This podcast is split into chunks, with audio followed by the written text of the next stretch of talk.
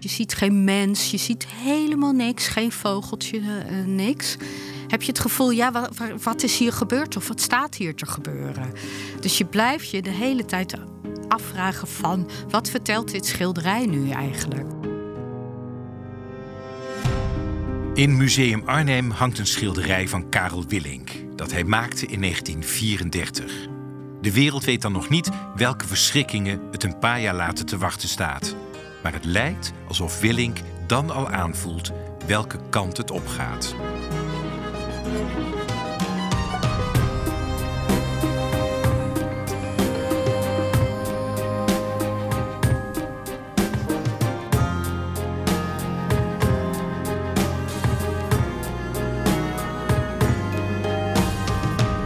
Je luistert naar Topstukken, de podcast over de mooiste kunst en cultuur van Nederland.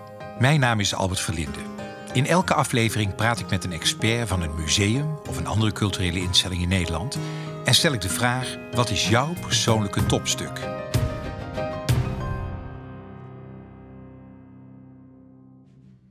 Ik ben Saskia Bak en ik ben directeur van Museum Arnhem. En dat museum is net weer heropend na een verbouwing van 4,5 jaar.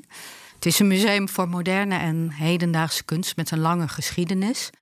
Het topstuk dat Saskia heeft meegenomen is geschilderd in de stijl van het magisch realisme. Laten we daar eens mee beginnen. Wat houdt die stijl precies in? En dat is een mooie naam eigenlijk. Het is heel precies geschilderd, dus realistisch. Je ziet wat je zo kan, uh, kan het zien. zou een foto kunnen zijn eigenlijk. Het zou bijna een foto kunnen zijn.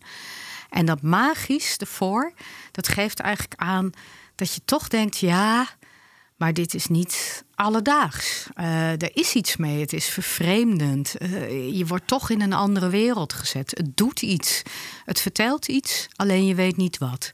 Maar het klopt wel, het kan wel. Dat is magisch realisme. Magisch realisme, ja. En welk topstuk heb je meegenomen? Ja, ik heb gekozen voor het Gele Huis van Willink. Het is echt een prachtig schilderij. En uh, dat is een van onze topstukken. We hebben er, uh, ieder museum heeft altijd meerdere topstukken. Ja, waarom dan voor deze gekozen? Ik heb voor deze gekozen omdat ik zelf uh, eigenlijk begonnen ben in de kunst door Karel Willink. Ik vond het toen ik 16, 17 was, vond ik het echt geweldig. En dan kom je ineens, jaren later, kom je in een museum werken waar heel veel Willings zijn. En ja, dat was voor mij zo thuiskomen. Wat, hoe ziet het, topstuk eruit? Het is een prachtig schilderij. Het is eigenlijk een geel huis in een hele lege straat. Uh, echt zo'n klassiek huis. Het bestaat ook nog, dat huis. Uh, maar helemaal in een lege straat. En dan liggen er twee proppen papier uh, op, de, op de grond. En je ziet in de ramen van het huis zie je hele dreigende luchten. En die zie je ook verderop in het schilderij. Dus het, is een beetje, ziet er een beetje uit alsof het heel erg heeft geonweerd of gaat onweren. Dus je ziet geen mens, je ziet helemaal niks, geen vogeltje, uh, niks. Heb je het gevoel, ja, wat, wat is hier gebeurd of wat staat hier te gebeuren? Dus je blijft je de hele tijd afvragen van wat vertelt dit schilderij nu eigenlijk? En dat had je onmiddellijk toen je het zag hangen als puber had je iets van. Deze hele wereld trok aan je voorbij eigenlijk. Ja, ja, dat klopt. En als puber vind je dat soort schilderijen natuurlijk ook heel mooi. Hè? Die, ze spreken aan, je kan ze direct lezen. Uh, dus je, je stapt direct eigenlijk in zo'n kunstwerk. En je raakt er nooit op uitgekeken. En het mooie van Karel Willink is ook dat hij nog eens heel precies schildert. Dus als je dan als al een keertje denkt van nou, ik heb het nu wel gezien ja, dan raak je weer gegrepen door hoe precies die dat geschilderd heeft. Ieder steentje, ieder detail is, is echt tot in de finesse weergegeven. Dus je kunt je er helemaal in verliezen. Ja, ik heb zoveel vragen erover. Ten eerste zegt een bestaand huis, het is er nog steeds. Waar, waar kunnen we het vinden? In de Vossierstraat in Amsterdam. Hoe is bij mij om de hoek? Ja, vlakbij het Rijksmuseum. En ah. Willink woonde daar ook in die buurt. En hij heeft eigenlijk in heel veel schilderijen zie je, zie je panden die in die buurt stonden. Het was wel atypisch voor die tijd, toch? Dat magisch realisme. Het was, er werd er toch eigenlijk een hele andere soort schilderij in die periode uh, gemaakt. Het ja, was... nou dat is maar de vraag. Uh, dat denken we nu. Uh, omdat die abstracte kunst na de oorlog, hè, de stijl en al die moderne stromingen, daar staan de kunstgeschiedenisboeken van vol. maar dat had ook een beetje met de oorlog te maken. Want de nazi's vonden realistische kunst prachtig. En dat wil helemaal niet zeggen dat uh, die kunstenaars nazi-sympathie hadden. Heel vaak helemaal niet zelfs. Uh, maar na de oorlog wou Nederland daar niets meer van weten. Uh, dus wat je ziet is dat eigenlijk dat realisme langzaam naar de achtergrond verdwenen ah. was. Maar nou moet ik wel zeggen. Maar dat is typisch, hè? Want als je dat schilderij beschrijft. en het is in. wanneer is geschilderd? 1934. 34, dat is de tijd dat Hitler in Duitsland op aan het komen is. Het wordt allemaal niet uh, beter op daar. Die donkere wolken waar jij het over hebt. lijken ook wel daaraan te refereren. Ja, dat klopt dat, iedereen voelde dat ook zo. En uh, het, het, was ook nog eens crisis. Hè. In, uh, in 1929 eh, was er een, een beurskracht geweest. Dus het was echt zware crisis. Mensen hadden het echt heel moeilijk. En je had inderdaad dat opkomende fascistische regime. er waren heel veel politieke spanningen. En uh, Willink voelde dat allemaal feilloos aan. En dat zit in dat, dat schilderij. En maar hoe wrang is het dan eigenlijk dat je aan de ene kant iets maakt wat een soort tijdgeest geeft met een dreigend fascisme? dat dat toevallig mooi gevormd wordt door dat regime. En dat je na de oorlog eventjes nou ja, wat minder geliefd bent... omdat het eh, aan die tijden doet herinneren. Dat ja, is wrang eigenlijk, dat toch? Is, dat is best wrang, ja, klopt. En, Heeft hij eh, daar last van gehad? Dat weet ik niet zo. Uh, wat, wat wel zo is, is dat hij echt niet meegedaan heeft aan dat regime. Hè. Hij heeft uh, voor de oorlog dat inderdaad al gesignaleerd en geprobeerd in zijn, in zijn schilderijen te leggen. En hij heeft in de oorlog zelf ook bijna niet geëxposeerd. Als die al op een expositie hang, was het doordat andere werk van hem gekocht hadden. Dus geen cultuurkamer? Nee, voor zover wij weten niet. Hoe komt dan in Arnhem terecht? Ja, uh, dat is een leuke vraag. Uh, Museum Arnhem is eigenlijk in de jaren 30 zo ongeveer begonnen met het verzamelen van eigentijdse kunst. Hè, in, in de jaren 30 van de vorige eeuw, dus al bijna een eeuw geleden. En dat was toen best bijzonder. Dat deden niet zo heel veel musea in Nederland. En ja, Willink was toen een jonge kunstenaar, een eigentijdse kunstenaar, 30 jaar. Dus die werd verzameld. En Museum Arnhem heeft dat is dat blijven doen, zeg maar. Dus ze hebben dat oeuvre van Willink, maar ook andere magische realisten, zoals Spijker Koch, Dicket, zijn, zijn ze allemaal blijven volgen. En vandaar dat wij heel veel magische realisten hebben. En daar kennen mensen ons ook van. Over het persoonlijke leven van Karel Willink is veel te vertellen. Zo was hij vier keer getrouwd en driehoeksverhoudingen waren geen onbekend terrein voor hem. Maar ja, nu hebben we het natuurlijk over de kunstenaar Karel Willink. Wat ik van hem weet is dat hij een hele toegewijde schilder was en zijn vak heel serieus nam. Zat iedere dag in zijn atelier, bleef studeren, bleef communiceren, eh, nam dat schildersvak heel erg uh, serieus, hè, dat kunstenaarschap. Was daar altijd mee bezig, ongelooflijk toegewijd. En zo precies. Precies, hij was heel precies. En het is leuk als je oude foto's van hem ziet. Dan ziet hij er ook heel precies. Altijd mooi gekapt, mooie kleren aan. Dus hij zorgde altijd dat, dat het alles er in de finesse uitzag. En ik ben ook in zijn atelier geweest en dat is leuk. Dat ziet er nog, nog zo uit. Hij zou zo binnen kunnen stappen. Dat is gewoon bewaard, dat atelier? Ja, zijn vrouw Sylvia Willink, die heeft dat helemaal achtergelaten. En dat is leuk als je op haar website kijkt. Uh, volgens mij heet die karelwillink.nl kan je ook foto's zien van het atelier en dan kan je ook ronddraaien. Dus, en dan kan je inzoomen.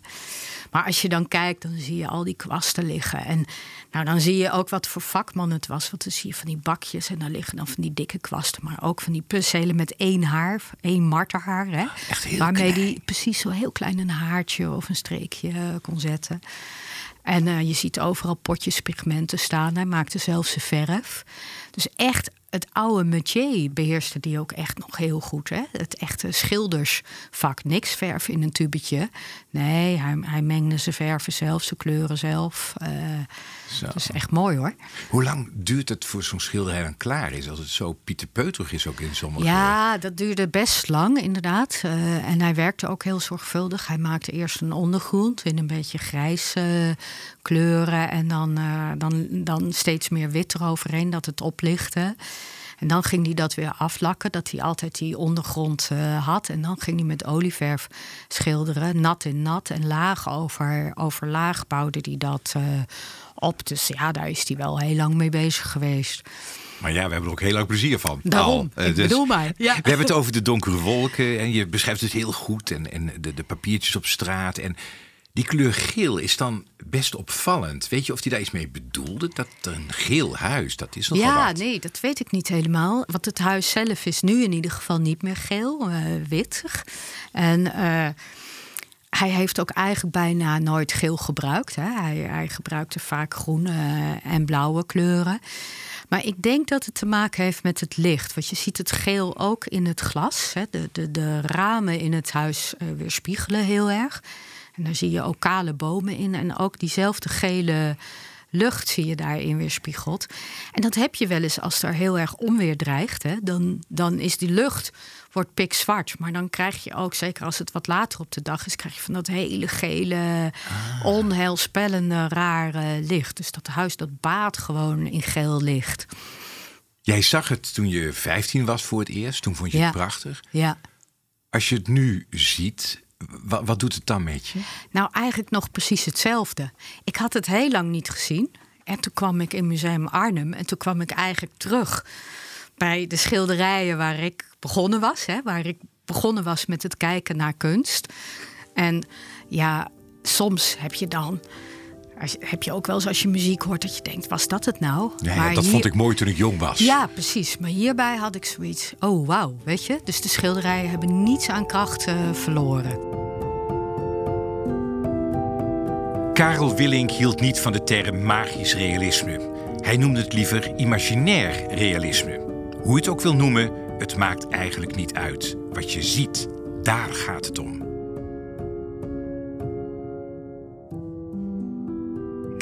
Kunst is ook een soort grote, grote ontdekkingstocht. Je maakt steeds de stap van het ene schilderij naar het andere. Toen wij trouwens ook in een museum. Hè, want juist dat je dat soort schilderijen hebt, we mengen alles. Dus hedendaagse kunst met eh, moderne kunst. En, en doordat we dat mengen, kun je als bezoeker ook zo'n ontdekkingstocht maken. Dus niet alles bij elkaar uit dezelfde periode, maar eh, laat het feest van de kunst maar zien, zeg maar. Dan toch even het museum. Het is net geopend dus na die enorme eh, verbouwing. Ja. Wat voor gebouw is het geworden, kan ik dan toch wel zeggen? Ja, dat kan je zeker zeggen. Ja, het is heel bijzonder. Eh, het museum ligt op een stuwwal uit de laatste ijstijd. En dat betekent dat het museum eh, nou 30, 40 meter hoger ligt. En wat de architecten gedaan hebben, dat is echt fantastisch. Die hebben een vleugel getekend die over die stuwwal uitsteekt. Dus als je het museum ziet, denk je... Het ik ben- ja, het zweeft. En je denkt, ik ben in het buitenland, ik ben helemaal niet in Nederland. En als je er dan bent, dan kijk je ook nog eens uit eh, over de Rijn. En met dat glinsterende licht, dat is echt, echt fantastisch. En het mooie is, als het dan een beetje donker weer is en onweersachtig weer... dan heb je het gevoel dat je buiten ook Willing ziet. eh, en binnen. Een artistiek droste-effect. precies, precies. Je luisterde naar Saskia Bak van het Museum Arnhem. En dit was Topstukken, aangeboden door de Vriendenloterij, de cultuurloterij van Nederland.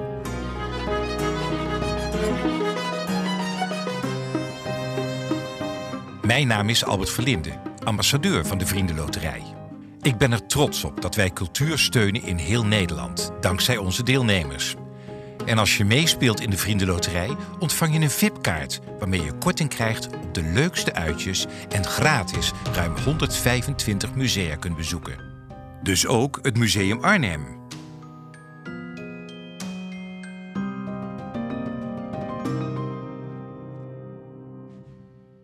Benieuwd naar meer mooie verhalen? Abonneer je dan gratis op Topstukken in je favoriete podcast-app of ga naar topstukkendepodcast.nl.